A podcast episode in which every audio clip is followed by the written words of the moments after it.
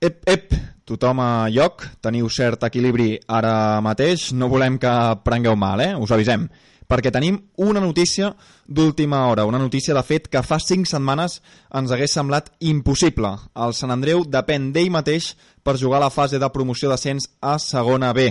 Sí, sí, ho heu sentit bé, ho repetiré per si algú no estava prou atent. El Sant Andreu depèn d'ell mateix per, per jugar la fase de promoció d'ascens a segona B s'ha confirmat fa uns 40 minuts. Derrota del Terrassa per 2 a 4 a casa davant el Martinenc. El Martinenc, el cué del grup català de tercera divisió. Una notícia, m'atreviria a dir, molt millor i més sorprenent, evidentment, que la cinquena de, eh, victòria consecutiva dels quadribarrats avui per 3 a 0 a davant de la grama, a Santa Coloma de Gramenet. En fi, el que us deia abans, fa 5 setmanes algú em diu això i m'enric.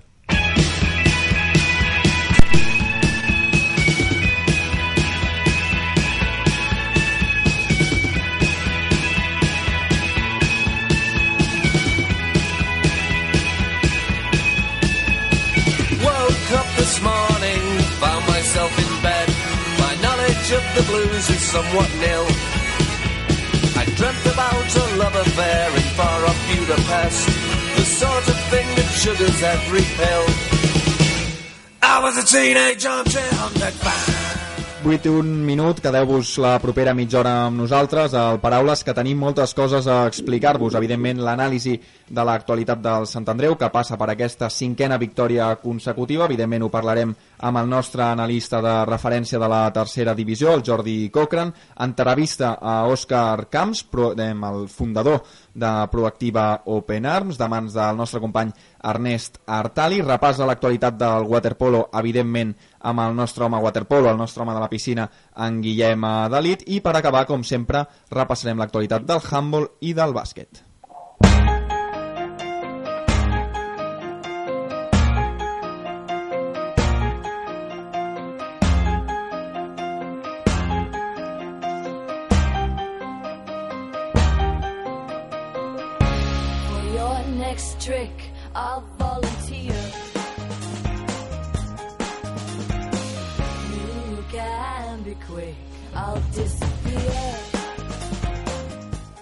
Analitzar aquesta situació del Sant Andreu, aquest bon moment que passa l'equip, ja tenim en directe Jordi Cochran. Jordi, bona tarda. Bona tarda, Joan. Què ha passat? Eh, què ha canviat en l'equip per aquestes cinc victòries consecutives? Què és exactament aquest, aquest punt de diferència que fa que l'equip doni aquesta sensació tan bona? Doncs, sens dubte, la confiança que ha pres l'equip en si mateix. Al final, quan els resultats mínimament han acompanyat, l'equip ha agafat embranzida i de cop i volta ha fet aquesta ratxa de cinc victòries consecutives, un, un mes i mig amb només aconseguint victòries que al final han fet que el Sant Andreu estigui en la lluita per ser a la fase de promoció d'ascens. Sens dubte, aquesta confiança, la pilota ha entrat i sembla que quan ha començat a entrar la pilota, llavors els jugadors del Sant Andreu s'han crescut, han començat a jugar millor, les lesions s'han aturat i ara sembla que el Sant Andreu ha posat la cinquena marxa i va per l'autopista com a mínim a 120 km per hora. És que a més a més, eh, Jordi, no sé tu si tens aquesta sensació, però la, la sensació que dona és que a més a més el, el calendari és molt assequible. O sigui, ara els partits que li venen al Sant Andreu eh, són molt, molt adients perquè aquesta ratxa s'allargui. No sé si tens eh, aquesta sensació tu també.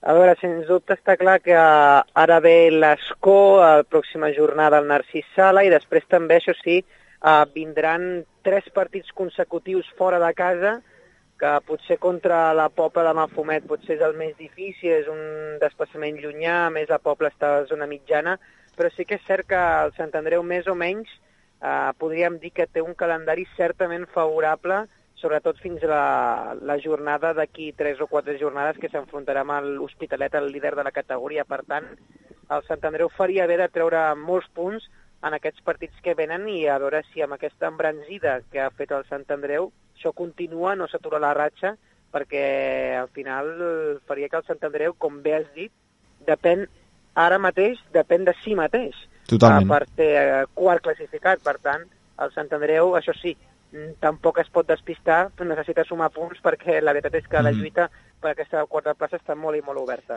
Expliquem-ho això exactament, depèn d'ell mateix perquè el Terrassa té un partit de més, és a dir, el Terrassa ha jugat, si no m'equivoco, 29 partits i el Sant Andreu n'ha jugat 28, no, eh, al revés, Sí, sí, no, sí, sí, sí, exacte, no, estava fent un, un petit embolic, per tant al Terrassa li toca encara descansar una setmana, que és una setmana que el Sant Andreu podrà retallar distàncies i l'altre rival per l'altre equip que està per sobre del Sant Andreu, l'Horta, el Sant Andreu encara s'ha d'enfrontar amb ell, per tant que si el Sant Andreu s'enfrontés amb ell i guanyés aquest partit, el Sant Andreu superaria l'Horta, per tant que és aquest el, el, el factor que fa que el Sant Andreu depengui d'ell mateix. Escolta, Jordi, et volia comentar també eh, quines sensacions t'ha donat Cucu, que avui ha estat eh, un dels protagonistes del partit, i sembla que, que si hi havia algun dubte que Cucu podia agafar aquest paper que havia deixat Eladji, eh, l'està fent a la perfecció.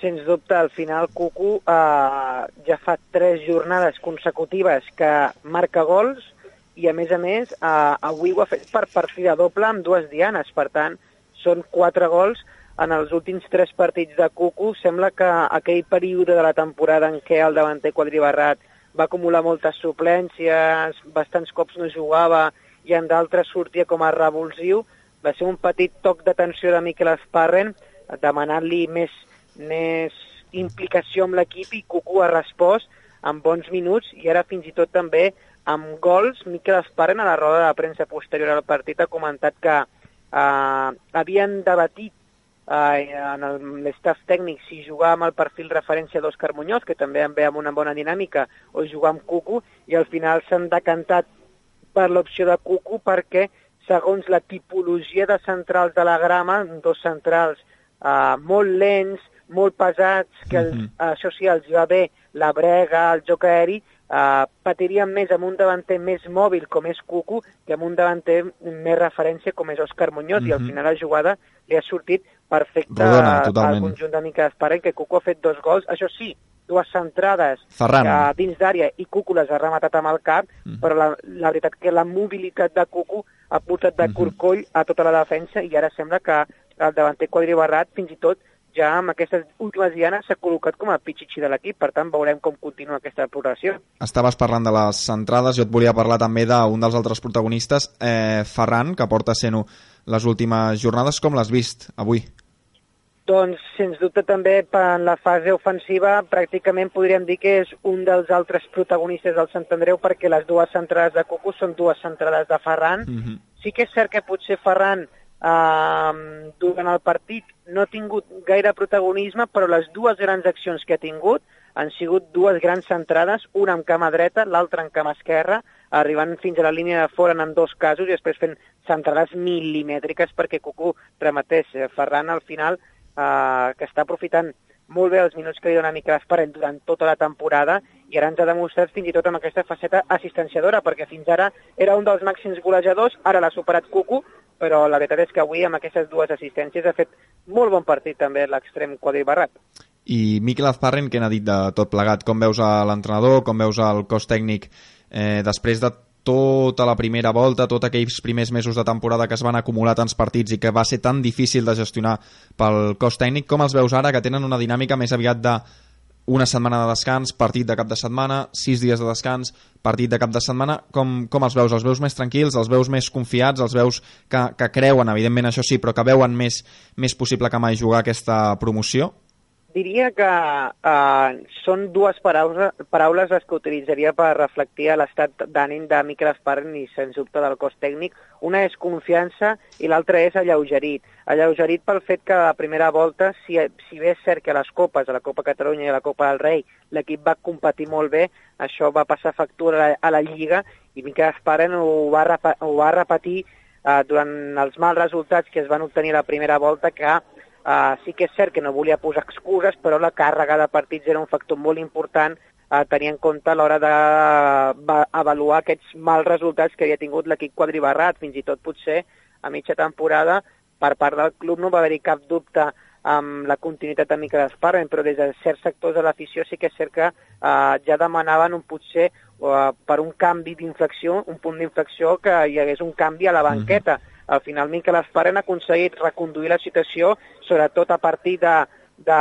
com sempre hem repetit en aquest programa, de jugar només un partit setmanal i al final, eh, com bé he dit abans, eh, els bons resultats van començar a arribar i això ha fet que l'equip agafés aquesta embranzida que al final ha fet encara sumar més bons resultats i això fa que en les rodes de premsa posteriors als partits, sobretot Miquel Esparren, es veu amb més confiança de, de que aquest equip pot lluitar fins al final i que ho està demostrant. Per tant, jo diria que està confiat amb l'equip que té i que potser el Sant Andreu cada cop més té més uh, més probabilitats de ser equip de la promoció de de la segona divisió B i també, en certa manera, alleugerit, perquè al final Miquel Esparren, quan ha pogut treballar més o menys amb les eines que ha de treballar un equip de tercera divisió, està demostrant que és un gran entrenador, acompanyat, això sí, d'una gran plantilla.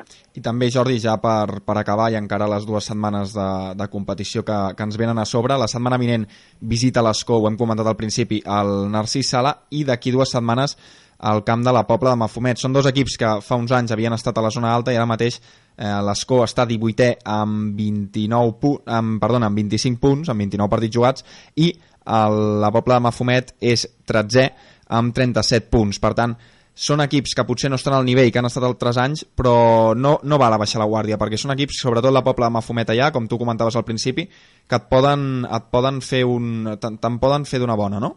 Per exemple, de fet, en la primera volta, el Sant Andreu, al camp de l'Escó, va empatar 1 a 1 amb un empat molt agradolç, que el Sant Andreu va tenir clares ocasions per endur-se els 3 punts i al final va empatar amb l'Escó, que ja a la primera volta era un equip que lluitava per sortir del descens, però també en la primera volta el Narcís Sala va empatar 1 a 1 amb la Pobla de Mafumet. Per tant, dos equips que a la primera volta el Sant Andreu no va aconseguir guanyar, de fet va, va empatar, això sí, l'Escó, un equip, com bé has dit Joan, que lluita per sortir de la promoció de la zona de descens, ara mateix està, diria que està immers en aquesta zona que perdria la categoria. Per sí, tant, ara mateix, mira, mira Jordi, Jordi, ara mateix és 18è amb 25 punts. El Castelldefels és el que marca la, la zona, diguem, no de, o sigui, marca la permanència, amb, és 17è amb 27 punts. Per tant, l'Escó que està a dos punts de la, de la permanència. Això també pot ser un risc pel Sant Andreu de que l'equip a l'Escó vagi cada partit a mort en busca de, de, de quedar-se a la tercera divisió.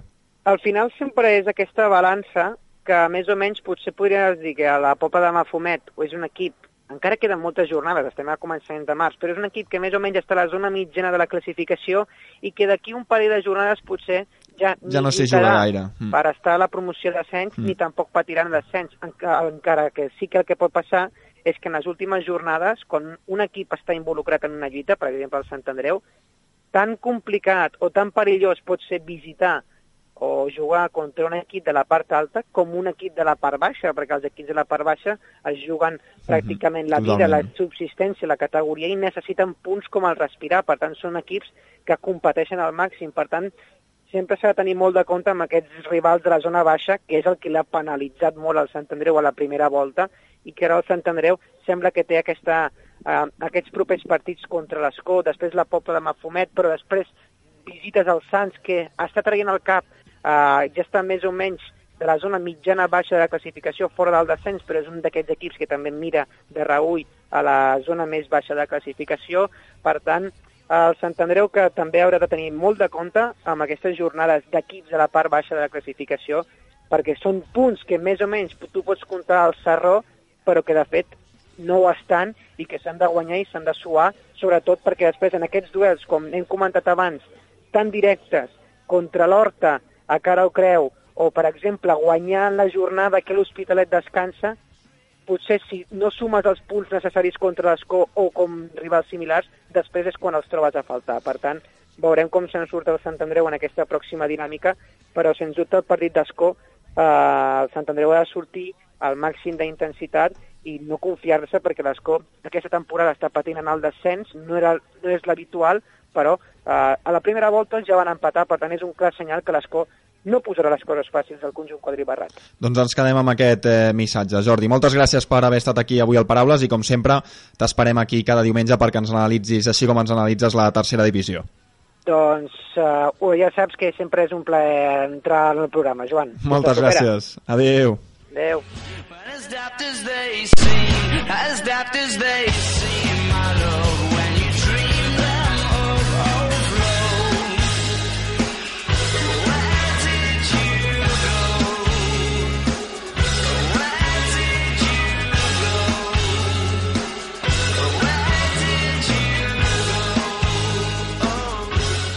I avui des del Paraules volem tractar també una temàtica que va molt més enllà del que tractem normalment, de l'esport en general. Fa una setmana vam poder estar una estona amb Òscar Camps, fundador de Proactiva Open Arms, la famosa ONG que treballa a les aigües del Mediterrani intentant posar aturador a aquest drama dels refugiats, i el nostre company, l'Ernest Tartali, va tenir el privilegi d'entrevistar-lo, d'estar amb ell.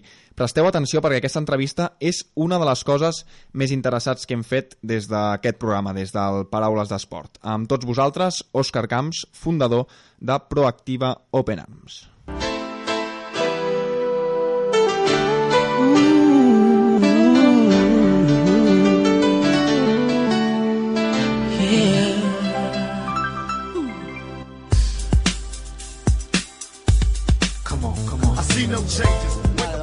Aquí amb el, amb el fundador de l'ONG Proactiva Open, Open Arms, Òscar Camps. Eh, molt bon dia, Òscar. Hola, bon dia. Bueno, et volia preguntar, primer de tot, eh, com sorgeix la relació amb la Unió Esportiva Sant Andreu? Doncs bé, el senyor Manuel Camino ens vam trobar, vam coincidir en un acte a Barcelona eh, i em va dir que, bueno, que estava molt interessat, que ens seguia i, i de fet ens va proposar que, que tenien un partit molt important i aquest partit important s'hi podia portar doncs, el nostre logo, no? I aquest partit era amb l'Atlètic de Madrid, amb el Wanda, i de fet ens va agradar moltíssim la idea i a partir d'aquí vam començar a fer coses i, i bueno, fins que he acabat sent soci del, del Sant Andreu. A veure, en aquest sentit, com, com valores tu que un club de tercera divisió d'un barri Sant Andreu, un barri modest, que hagi pres la decisió doncs, de, de sacrificar, doncs, en aquest cas, l'espai que tenen el, els clubs a la samarreta, sacrificar aquest espai publicitari per eh, mostrar el vostre logotip de forma altruista. Bé, doncs quan, quan algú pren aquest tipus de decisions, quan algú amb responsabilitat pren aquest tipus de decisions, ja et diu molt d'aquest tipus de persona i d'aquest tipus de club que presideix, no? Per tant, eh, aquest aspecte tan social que té el Sant Andreu, sobretot també amb, amb, els, amb els especials, que també està fent moltíssimes coses, doncs ja et diu Ep, aquí que ha fallat la, el tècnic, hem anat de seguida, intentem eh, arreglar-ho, estem intentant aviam si la gravació la podem recuperar, eh, tenim problemes amb l'O'Brien, ens ha ens ha fet un, una, un bon susto, que, que es diria, perquè evidentment és un document eh, molt especial que ara eh, hem perdut. Intentarem recuperar-lo de totes formes, aviam si eh, podem, si no anirem directament al waterpolo, creus que anem al waterpolo, Brian, el recuperem després, sí? Anem al waterpolo? Doncs anem al waterpolo.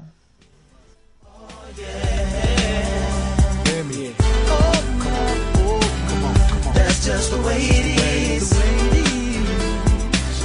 Things will never be the same. That's just the way it is. Oh, yeah. I ja tenim aquí, som ràpids, gràcies a Brian, ja tenim aquí amb nosaltres el nostre expert en waterpolo. Guillem Adelit, bona tarda.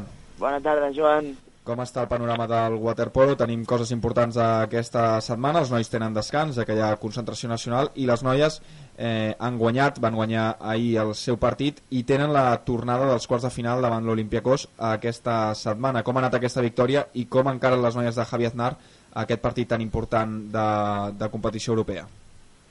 Doncs victòria bastant clara de les, del Javi Aznar a Madrid, 2 a 27, un partit que es va plantejar doncs, això per intentar mantenir la intensitat en tot moment, el que necessites per competir a, a Atenes davant de tot un Olimpiakos i bueno, doncs, intentar caure amb la màxima dignitat possible, sabent que, que està complicat després del resultat de l'anada de 7 a 16. 7 a 16, sí. Però, bueno, tenint en compte que com que no s'atacava el premi de jugar a Europa, doncs això, intentar agafar el màxim aprenentatge de cara a aquesta Final Four de Trophy, que encara que sigui la segona competició europea, doncs tindrà, tindrà molt a nivell amb possibles rivals com el Gol Armeni, el, el Projecte Padova, el, el Horizonte de Catània, mm -hmm. un històric de waterpolo, i, i tot sembla apuntar que, que el Sant Andreu estarà aquí, per tant...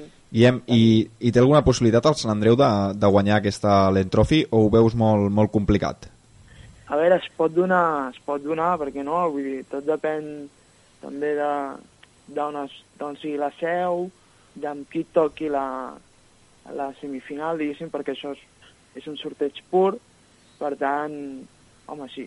Si al Sant Andreu li toca un Horizonte de Catània, ho veig complicat, però si Mm. toca, per exemple, un Buri Armeni, un equip amb què en temporades anteriors se l'ha aconseguit guanyar, doncs no et diré que no, un Mm. projecte de Pàdova que deu tenir un, nivell no molt, molt allunyat del, del Sant Andreu, dir que al final, per què no? Guanyar-la no ho sé, però plantar-te una final i quedar, intentar lluitar per aquesta final, jo ho veig, ho veig possible, dintre, dintre de ser el màxim realista, eh? Sí, sí. Eh, tant de bo, eh? Tant de bo es pogués guanyar aquesta l'entro. I sobre els nois que aquesta setmana tenen, tenen descans, ja hem comentat que hi ha concentració nacional. Quin resultat van tenir la, la setmana passada, que no va haver paraules, vam, vam tenir eh, Mobile World Congress, i per tant, eh, què, què van fer els nois? Quines notícies tenim d'ells?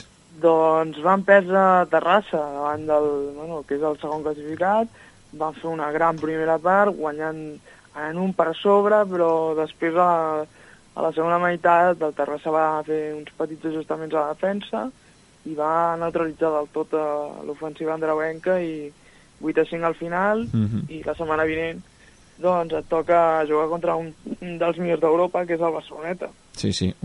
Aquest partit segurament no costarà molt de guanyar, no, Guillem? Oh, és, molt, és molt complicat, s'han de donar moltes, moltes circumstàncies i el Barceloneta aquesta temporada està bastant bé i, i té entre cella i cella intentar lluitar per aquesta Champions, per tant. I l'objectiu de la temporada no varia, eh? Per això els homes de Dani Ballar segueixen buscant aquella, cinc, aquella la cinquena plaça. plaça i intentar doncs, per primera vegada que el masculí jugui competició europea i que els dos equips juguin, juguin a Europa. Perquè ara, ràpidament ja per tancar, Guillem, aquesta cinquena plaça és la que dona accés a la competició europea en el cas dels nois? Sí, la Eurocup, em sembla que es diu. Mm -hmm. O sigui, en cas de quedar cinquens anirien a, a una competició europea de, de bueno, waterpolo. sí, haurien de passar, haurien de passar fins a dos, Prèvies. fins a dos fases, diguéssim, sí. Sí, la fase prèvia que ha per fer la comparativa amb el futbol, la fase, la fase prèvia de la Champions, aquella que juga a finals de juliol i principis d'agost, doncs, doncs el mateix. Doncs Guillem Adalit, moltes gràcies per haver-nos regalat eh, aquesta, aquesta estona de, de waterpolo, com sempre, cada cap de setmana, i t'esperem la setmana vinent per veure eh, el, el, el, des, el desenllaç d'aquesta eliminatòria amb l'Olimpiakos i Déu vulgui amb una, amb una remuntada històrica del Sant Andreu, tot i que és difícil però, però esperem que així sigui Vinga, Joan, que vagi Vinga, molt bé. vagi bé Guillem, adeu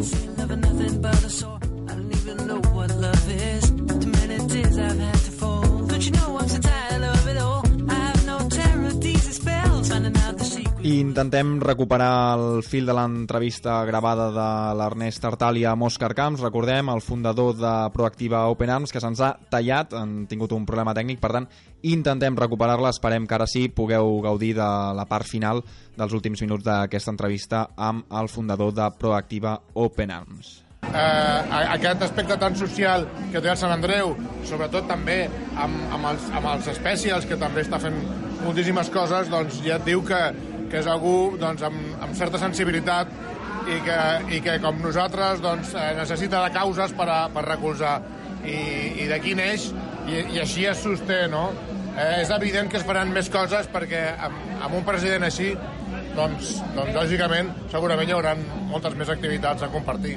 Va, Ronald, volia preguntar ara sobre la vostra situació actual. Bueno, l'activitat de, de l'ONG comença a intensificar-se més arran de, de la mort del nen d'Ailan a la platja de Turquia 2015.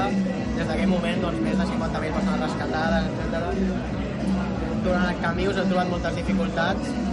En el cas, en el context aquí d'Europa, què penses d'aquest immobilisme polític que hi ha hagut durant tots aquests anys en referència als refugiats?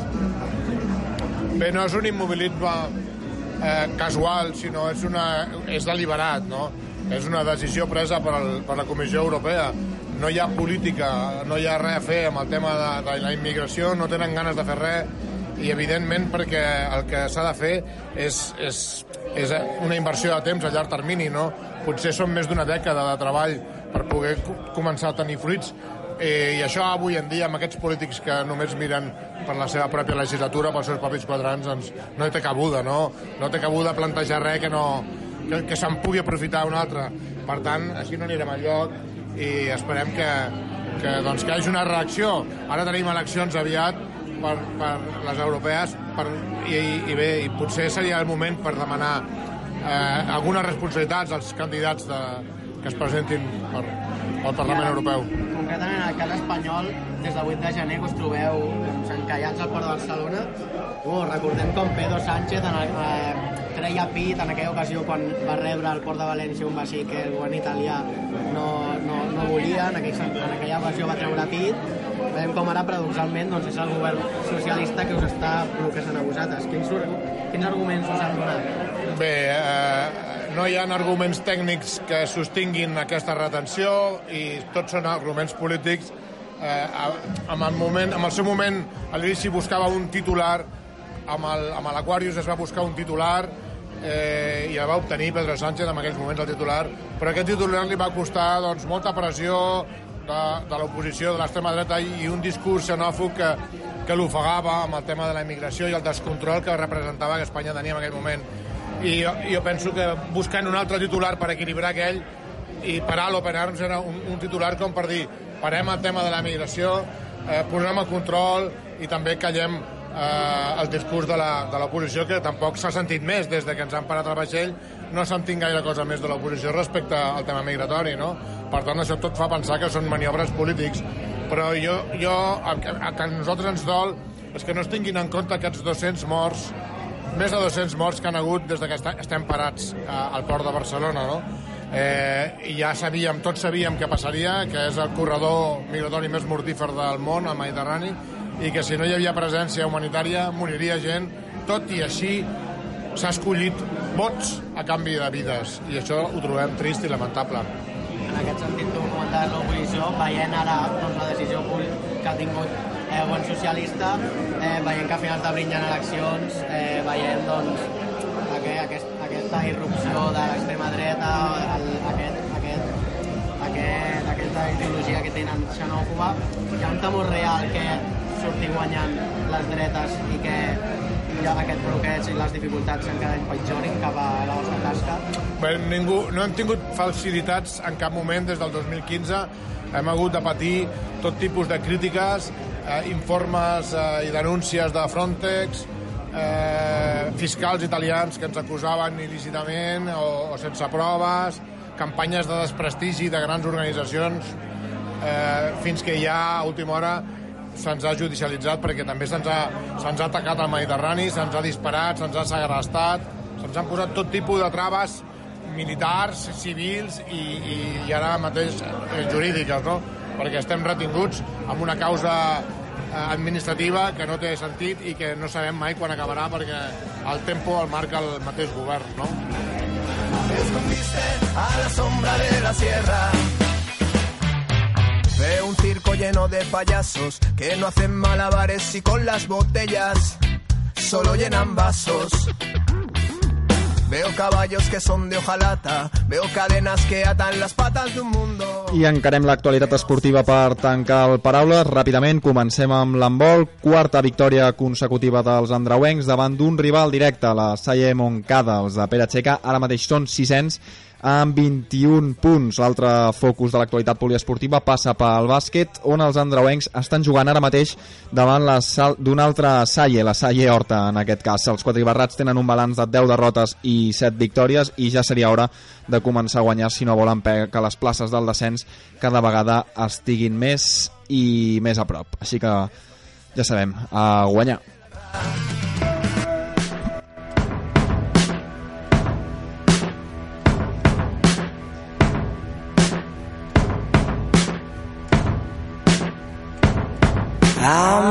The kind of fool